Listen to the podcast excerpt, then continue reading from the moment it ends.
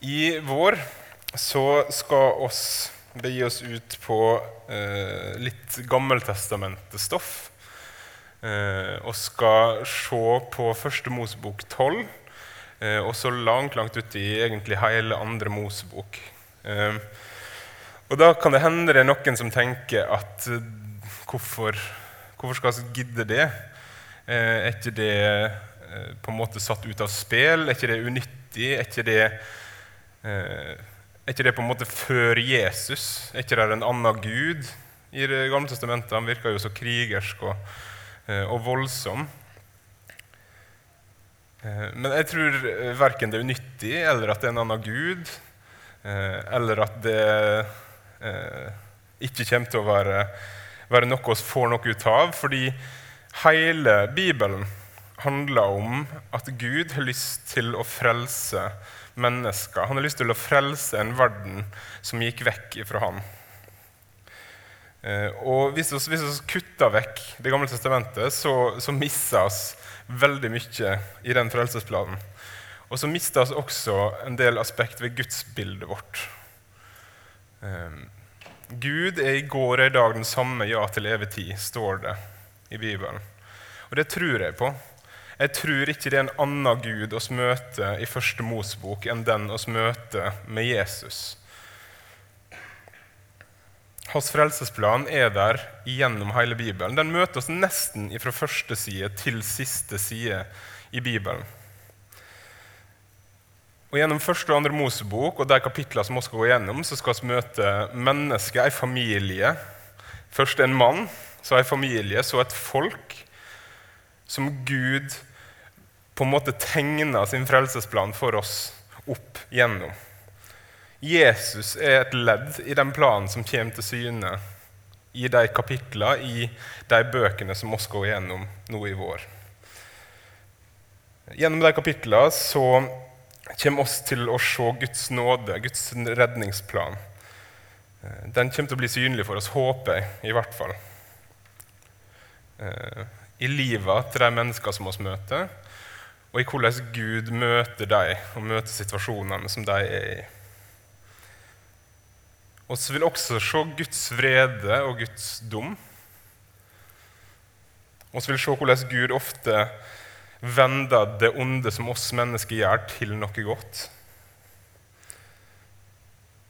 Og forhåpentligvis vil vi både få se og forstå mer av hva det er Jesus egentlig har gjort for oss.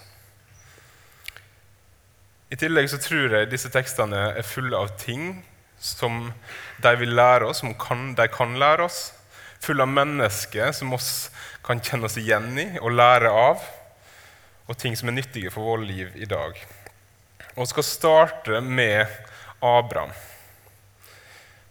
I kapittelet før det kapittelet som vi går inn i nå, altså kapittel 11 i første Mos bok, så kan vi lese en historie som er litt sånn dyster, egentlig, om eh, tårnet i Babel, der mennesker finner ut at de igjen har lyst til å bli store i egne øyne og gjøre seg sjøl til Gud, og vil bygge seg en by eh, med et tårn som går helt opp til himmelen. Og Så kan vi lese om hvordan Gud svarer på det med å gi dem forskjellige språk, og de sprer seg ut over jorda. Mennesker tror at det er bedre om de får bestemme, og Gud svarer med å spre dem. Mennesker er like fortapt som de noen gang har vært. Det er ikke en håpefull situasjon egentlig som vårt kapittel dukker opp i. Men så møter oss Abraham, eller rettere sagt så møter Gud Abraham. Og Før vi leser de tre versene som vi skal konsentrere oss om i dag, så har jeg lyst til å be litt mer. Kjære Jesus, hele Skrifta er innblåst av deg. Din ånd er der i hver eneste bok.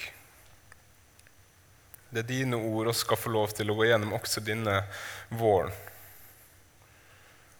Jeg ber deg, må oss få lov til å se deg, må oss få lov til å se Jesus, og må oss få lov til å komme nærere deg i vår etterfølgelse gjennom dette halvåret.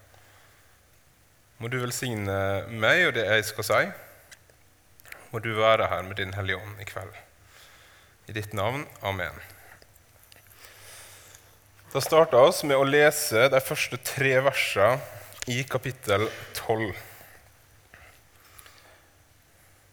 i første Mosebok.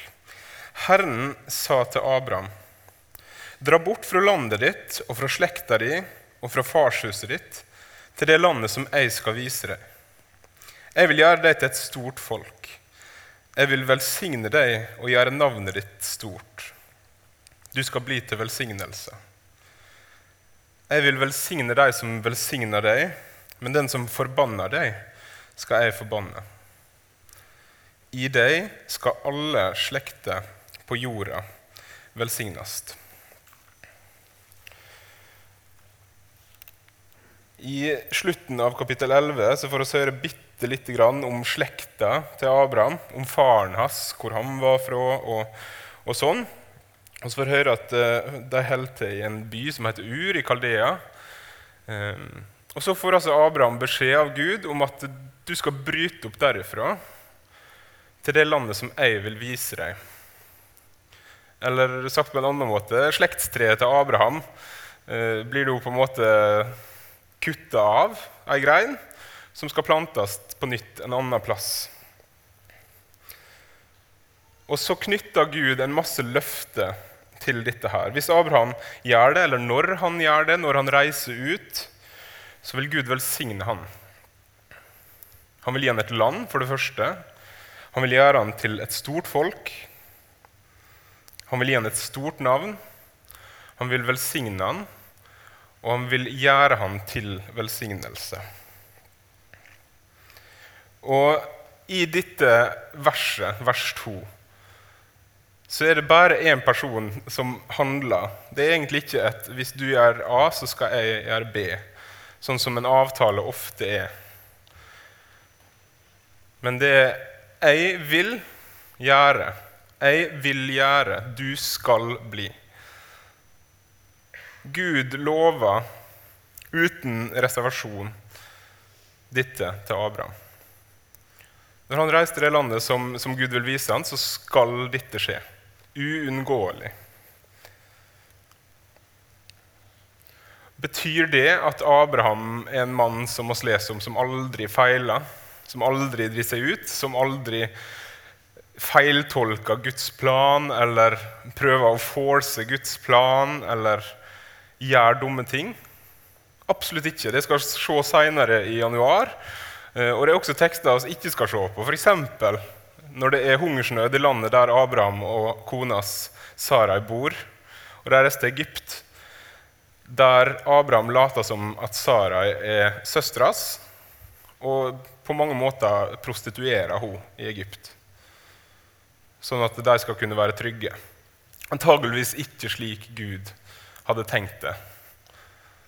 Men likevel så kommer de seg ut derifra, og Gud velsigner dem. Det er ikke en mann som har alt på stell, og som gjør alt rett oss møter, men det er en mann som Gud kaller, som Gud velger ut. Og det han har gående for seg, det er det at han tror. Abraham tror på Gud. Og troa til Abraham den fører til at han reiser ut til det landet som Gud ville vise ham. Og det fører til all denne velsignelsen. Han får et løfte om et land, om et folk. Det skal vi høre mer om seinere. Men så er det en litt spesiell sånn dobbeltvelsignelse der som jeg vil stoppe litt opp med. Jeg vil velsigne deg, og du skal bli til velsignelse. Slik tror jeg Guds intensjon er med oss alle som tror på Han. Gud vil velsigne oss. Men han vil ikke bare velsigne oss, men han vil at oss skal bli til velsignelse også for andre. I enkelte kretser i dag som snakker om Jesus, en litt annen Jesus enn den jeg kjenner, riktignok, men de snakker likevel om Jesus, så blir velsignelse fra Gud framstilt som noe som du bare skal få og få og få og bade i, nærmest. Suksess, masse penger, ingen sykdom, Alt, alt, dette her, det skal du få av Gud. Gud blir på en måte en sånn minibank, en garantist for ditt jordiske velvære. Jeg tror ikke det er sånn velsignelse det er snakk om, egentlig, selv om det er det også. Og det er i hvert fall ikke snakk om en sånn velsignelse som bare skal hope seg opp under deg. Gud vil at hans velsignelse over deg skal også komme andre mennesker til del. Han ønsker ikke bare å velsigne deg, men han ønsker at du skal bli til velsignelse. I forrige måned så snakka vi litt om hvordan evangelisering kan se ut, eller hvordan det er når en kristen er her i Oslo, f.eks. Maria Celine Lundeby var her og snakka om hvordan kristne her i Oslo kunne bli sett på som en lampe eller et lys hver plass det bor en kristen. Og lyset har den funksjonen at det lyser opp mørket rundt seg også. På samme måte tror jeg Gud vil det skal være når Gud velsigner oss. Han ønsker ikke bare at jeg skal merke det, men han ønsker også at de som jeg møter, skal merke det.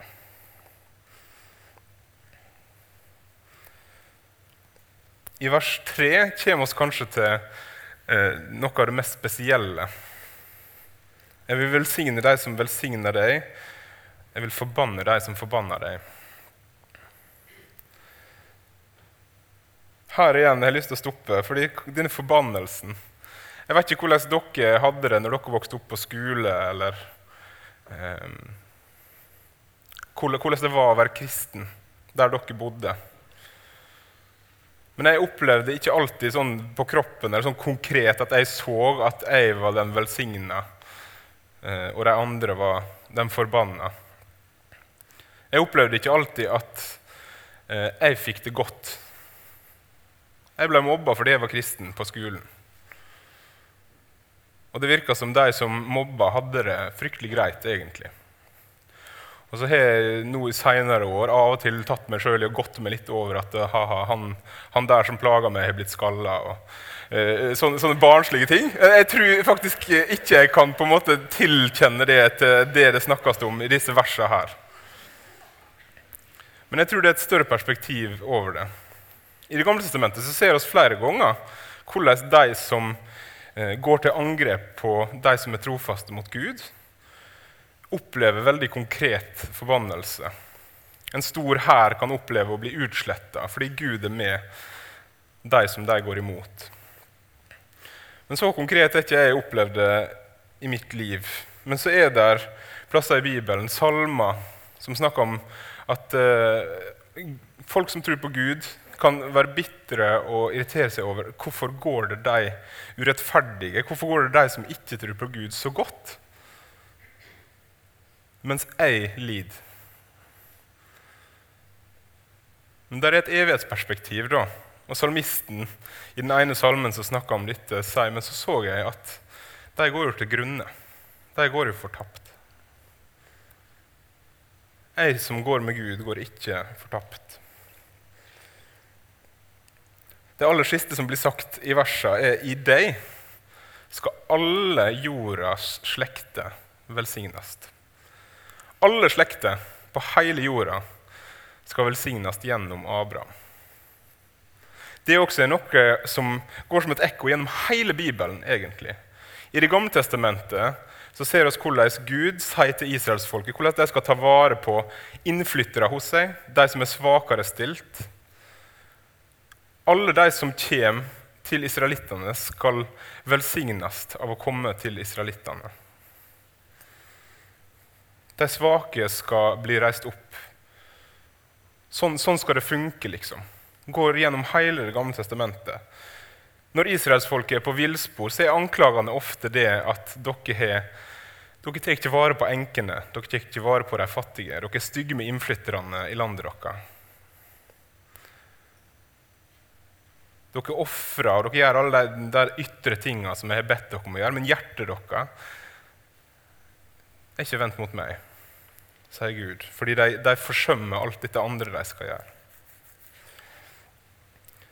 Men så er det også en større ting med dette. Alle slekter på jorda skal velsignes gjennom dine ene mann. Gjennom slekta til dine ene mann. Og så nettopp feira jul, og Matteusevangeliet starta eh, med et vers. Jeg må bare, eh, det, er ikke, det er ikke sånn spesielt sånn Jeg tviler på at dette blir favorittvers til noen av dere eh, etter jeg har lest det. Men jeg leser det likevel. Matteus 1,1. Dette er ettertavla til Jesus Kristus, Davids sønn og Abrahams sønn. Og så kommer det en lang rekke med navn. Dette er ettertavla til Jesus Kristus, Davids sønn og Abrahams sønn. Når Abraham fikk dette løftet om at alle slekter skal velsignes gjennom deg En annen plass får han løftet du skal bli far for mange folk. Ikke bare for ett folk, men for mange folk. Så tror ikke jeg Abraham ante hvor stort og hvor omfattende dette kom til å være. Kanskje tenkte han når eh, Ismael, eh, ene sønnen hans, for fra han at ja, han kan det jo hende blir til et folk, og så blir jo sønnen min kanskje til ett folk. Og da er det kanskje det Gud mener. Og det var det nok også. Men i deg skal alle slekter på jorda velsignes, og du skal bli far til mange folk. Det får sin oppfyllelse i Jesus sjøl. Når Jesus kommer, når Jesus dør og står opp, ikke bare for jødene, de som kroppslig skulle si, etter blodet var Abrahams barn, men for alle i hele verden. Som han sier det sjøl i kanskje det mest kjente bibelverset. For så elska Gud verden at han gav sønnen sin den enbårne, for at hver den som tror på han ikke skal gå fortapt, men ha evig liv. Det løftet som Abraham får fra Gud her, det løftet som kommer igjen som oppfylt i Johannes' åpenbaring, der Johannes får se en skare så stor at ingen kan telle den, av alle folkeslag, alle tungemål, alle slekter, som står der framfor Gud og framfor Jesus og tilber, som er blitt frelst, som er blitt berga. Frelsesplanen er ferdig, fullført. Når vi fortsetter å se på Abraham, på hans familie, og etter hvert en så stor familie at det blir til et folk, så ønsker jeg at vi skal tenke på det, at dette her er en rød tråd som går helt fra første Mosebok og til Johannes' åpenbaring gjennom Bibelen. Jesus er den som oppfyller det løftet som Abraham får oss, når du ser deg rundt i benkerada her, så ser du på oppfyllelsen av det løftet som Abraham får. Oss har blitt velsigna gjennom Abraham. Gjennom hans slekt har oss fått en frelser som har satt oss fri,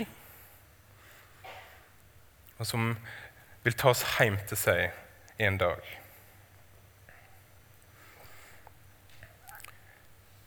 Helt til slutt vil jeg nevne en viktig ting. I vers 4 etter disse versene så står det at Abraham brøt opp. Han tok ut. Han gikk på det løftet som Gud hadde gitt. Og sånn tror jeg det er med trua på Gud. Ikke det at oss får det til hver gang. At oss hver gang Gud har lova noe, tenker yes, dette her skal jeg eh, gå på så radikalt som bare juling. Men når vi går på de løftene, så vil Gud være med, og så vil Gud velsigne. Abraham gikk på løftet og brøt opp. Han trodde på Gud og ble til velsignelse. Ikke bare for seg sjøl og for sin familie, men for alle slekter på jorda. Og han var ikke en feilfri mann. Når han syntes det gikk treigt med at dette folket skulle bli til, så ordna kona det sånn at han lå med tjenestejenta. Og så fikk hun en sønn, og så ble kona som hadde foreslått i utgangspunktet, misunnelig. Og så ble det en masse styr. Altså det, det, det, er ikke ei, det er ikke ei sånn flott fortelling om en sånn familie som bare er superprektig og bare gjør alt riktig, og så flotte folk. Og, eh, det er ikke det. Men likevel så er det disse, og løftet til disse, som bærer helt fram til oss som sitter her i dag. Rett før jul så, så sa jeg at eh, jeg skulle hjem og si ha det til Besta. Eh, og Besta hun døde natt til lille julaften. Eh, og mamma sa det i begravelsen at denne jula den feira hun mor med Jesus. Det er oppfyllelsen av det løftet som blir gitt til Abraham her i disse tre versene som på en måte er kickoffet for alle de tekstene som vi skal gå gjennom denne våren. Som vi kan ha i bakhodet med hver eneste person vi møter i disse tekstene. Oppfyllelsen er det at en dag så skal oss stå framfor Jesus og tilbe og takke for at oss endelig har kommet hjem. Jeg vil be helt til slutt. Kjære Jesus, Takk for ditt ord til oss. Takk for dine løfter til oss. Så vil jeg be deg om at du gir oss mot til å gå på de løftene som du har gitt. Til å gå på ditt ord, til velsignelse for oss sjøl og for andre mennesker. Takk, Jesus, for at, at vi gjennom hele Bibelen kan se ditt ønske om å være sammen med oss, om å redde oss fra oss sjøl og fra synda. Jeg ber må oss denne våren få lov til å se mer av deg, forstå mer hvorfor du kom og døde for oss. Forstå mer av ditt ord, som både kan dømme oss, men som også kan veilede oss og som også kan frelse oss. Takk, Jesus, for, for hele Bibelen. Jeg ber må oss få lov til å undre oss, må oss få lov til å glede oss, må oss få lov til å vokse i trua på deg gjennom ditt semester. I ditt navn, Jesus. Amen.